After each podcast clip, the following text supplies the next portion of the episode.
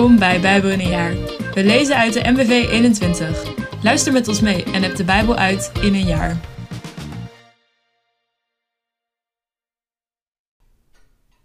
Goeiedag, ik ben Anja van Velzen. Het is 3 maart en ik lees Psalm 29, Leviticus 9, Leviticus 10, Marcus 11, vers 27 tot 33 en Marcus 12, vers 1 tot 12. Psalm 29, een psalm van David. Erken de Heer, o goden, erken de Heer, zijn macht en majesteit. Erken de Heer, de majesteit van zijn naam. Buig u voor de Heer in zijn heilige glorie. De stem van de Heer boven de wateren, de God vol majesteit doet de donder rollen. De Heer boven de wijde wateren, de stem van de Heer vol kracht, de stem van de Heer vol glorie. De stem van de Heer splijt ceders, de Heer splijt de ceders van de Libanon.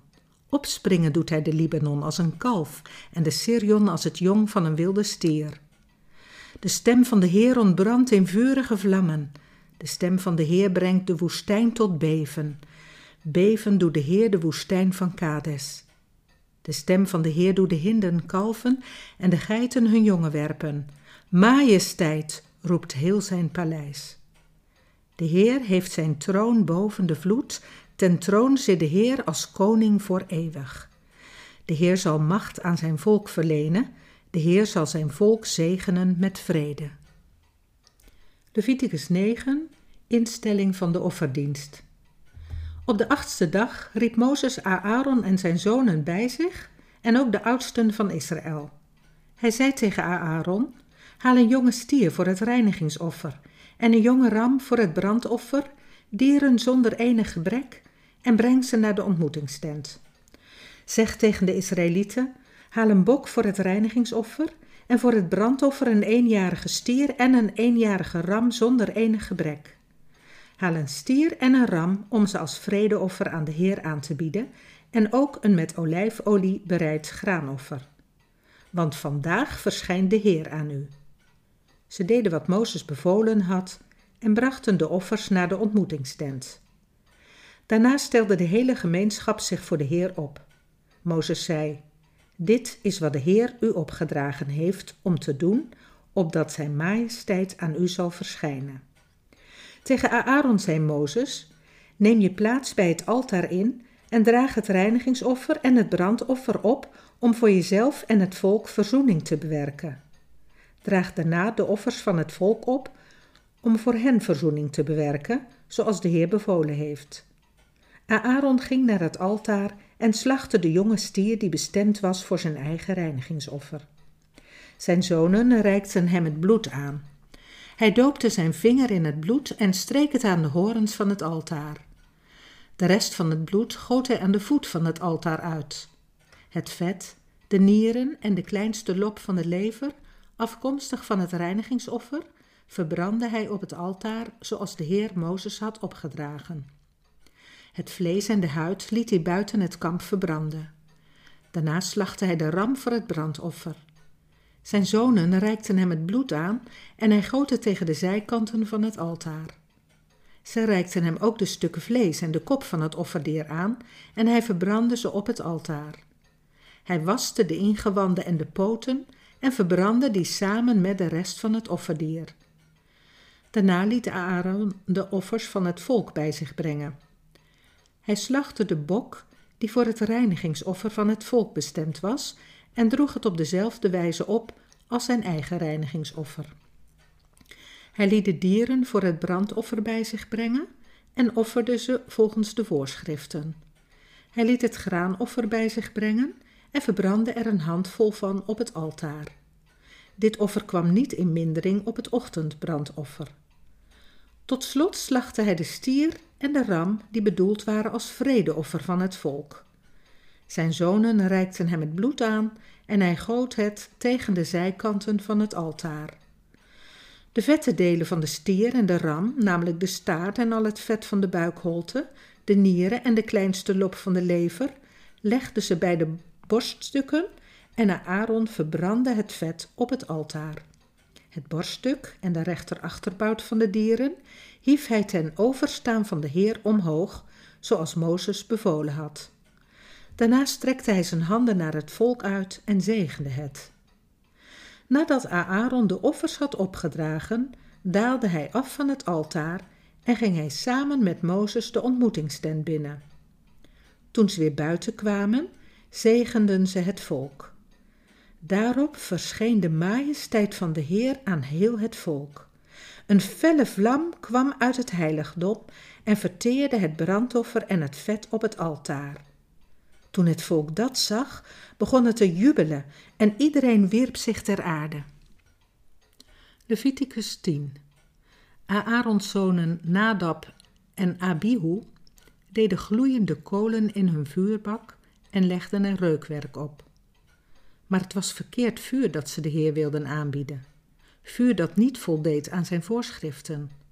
Een felle vlam kwam uit het heiligdom en verteerde hen, zodat ze daar in de nabijheid van de Heer stierven. Mozes zei tegen Aaron: Dit bedoelde de Heer toen hij zei: Door degenen die in mijn nabijheid verkeren, toon ik mijn heiligheid. Het hele volk maak ik getuige van mijn majesteit. Aaron zweeg. Mozes riep Misaël en Elsafan bij zich, de zonen van Aarons oom Uzziel. Hij zei tegen hen: Kom hier en draag jullie broeders bij het heiligdom vandaan en breng hen buiten het kamp. Ze droegen hen, nog gekleed in hun tuniek, het kamp uit, zoals Mozes hun had opgedragen. Mozes zei tegen Aaron en zijn zonen Eleazar en Itamar: Jullie mogen je haar niet los laten hangen en je kleren niet scheuren, anders sterven jullie en ontsteekt de Heer in woede tegen de hele gemeenschap. Maar jullie broeders, de overige Israëlieten, mogen wel weeklagen over het vuur dat de Heer ontstoken heeft. Omdat jullie zijn gezalfd met de olie van de Heer, moeten jullie bij de ingang van de ontmoetingstent blijven, anders sterven jullie. Ze hielden zich aan wat Mozes hun had opgedragen. Toen zei de Heer tegen Aaron: Jij en je zonen mogen geen wijn of bier drinken voor je naar de ontmoetingstent komt, anders sterven jullie. Deze bepaling blijft voor jullie en je nakomelingen voor altijd van kracht. Jullie moeten onderscheid kunnen maken tussen wat heilig is en wat niet, tussen wat rein is en wat onrein, en de Israëlieten uitleg geven over alle bepalingen die de Heer bij monden van Mozes aan hem bekendgemaakt heeft. Mozes zei tegen Aaron en zijn overgebleven zonen Eleazar en Itamar: Neem wat er over is van het graanoffer dat aan de Heer is aangeboden, en eet het in de vorm van ongedezemd brood naast het altaar, want het is allerheiligst. Jullie moeten het eten op een heilige plaats. Het is voor jou en je zonen bestemd als jullie aandeel in de offergaven voor de Heer. Zo is het mij opgedragen. Maar het borststuk en de rechterachterbout mogen jij en je zonen en dochters op elke reine plaats eten. Ze zijn voor jou en je zonen bestemd als jullie aandeel in de vredeoffers van de Israëlieten. De Israëlieten moeten behalve de vette delen ook de rechterachterbout en het borststuk naar de Heer brengen. En die moeten ten overstaan van de Heer omhoog geheven worden. Ze zijn voor altijd voor jou en je zonen bestemd.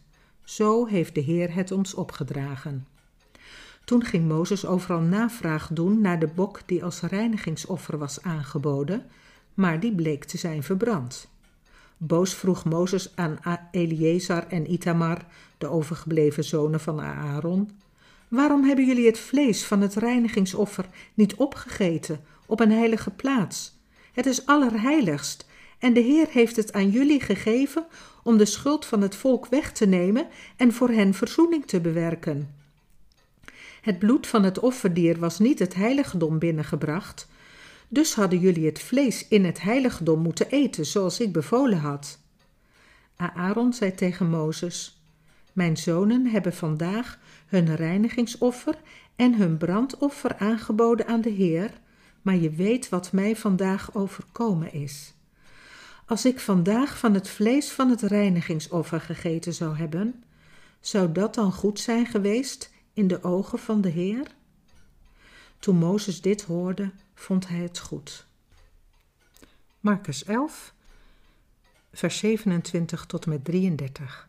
Confrontatie met hoge priesters, schriftgeleerden en oudsten. Ze kwamen weer in Jeruzalem aan. Toen Jezus zich in de tempel ophield, kwamen de hoge priesters, de schriftgeleerden en de oudsten van het volk naar hem toe en vroegen hem: Op grond van welke bevoegdheid doet u die dingen? Wie heeft u het recht gegeven om zo te handelen? Jezus antwoordde: Ik zal u een vraag stellen. Als u me daarop antwoord geeft, zal ik u zeggen op grond van welke bevoegdheid ik die dingen doe. Doopte Johannes in opdracht van de hemel of in opdracht van mensen? Antwoord mij. Ze overlegden met elkaar. Als we zeggen van de hemel, zal hij zeggen: Waarom hebt u hem dan niet geloofd? Maar als we zeggen van mensen, wat dan? Ze waren namelijk bang voor de menigte, want iedereen hield Johannes voor een echte profeet. Dus zeiden ze tegen Jezus: We weten het niet. Daarop zei Jezus tegen hen: Dan zeg ik ook niet op grond van welke bevoegdheid ik die dingen doe. Marcus 12, vers 1 tot en met 12. Hij begon tegen hen te spreken in gelijkenissen. Een man legde een wijngaard aan en omheinde die. Hij groef een kuil voor de wijnpers en bouwde een uitkijktoren. Hij verpachtte de wijngaard aan wijnbouwers en ging op reis. Toen de oogsttijd was gekomen, stuurde hij een knecht naar de wijnbouwers om zijn deel van de opbrengst in ontvangst te nemen. Maar ze grepen hem vast, mishandelden hem en stuurden hem met lege handen terug. Daarna stuurde hij een andere knecht naar hen toe, die ze in het gezicht sloegen en vernederden. Hij stuurde nog een derde, die ze doden, en nog vele anderen. Sommigen werden door de wijnbouwers mishandeld en anderen werden door hen gedood. Ten slotte was alleen nog zijn geliefde zoon over.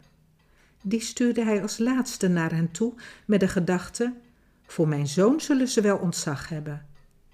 Maar de wijnbouwers zeiden tegen elkaar: Dat is de erfgenaam.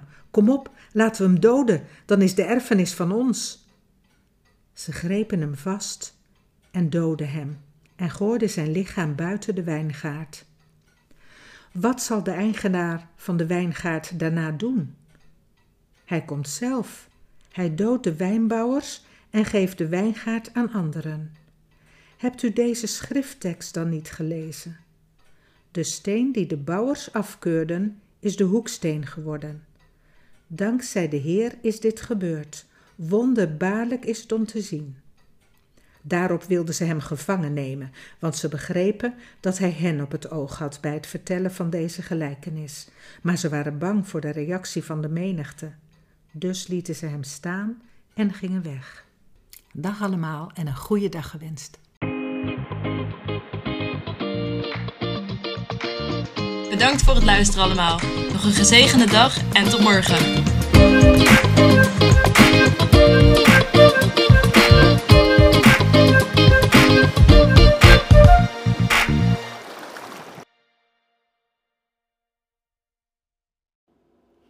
Met dank aan het Nederlands-Vlaams Bijbelgenootschap voor het gebruik van de MBV 21.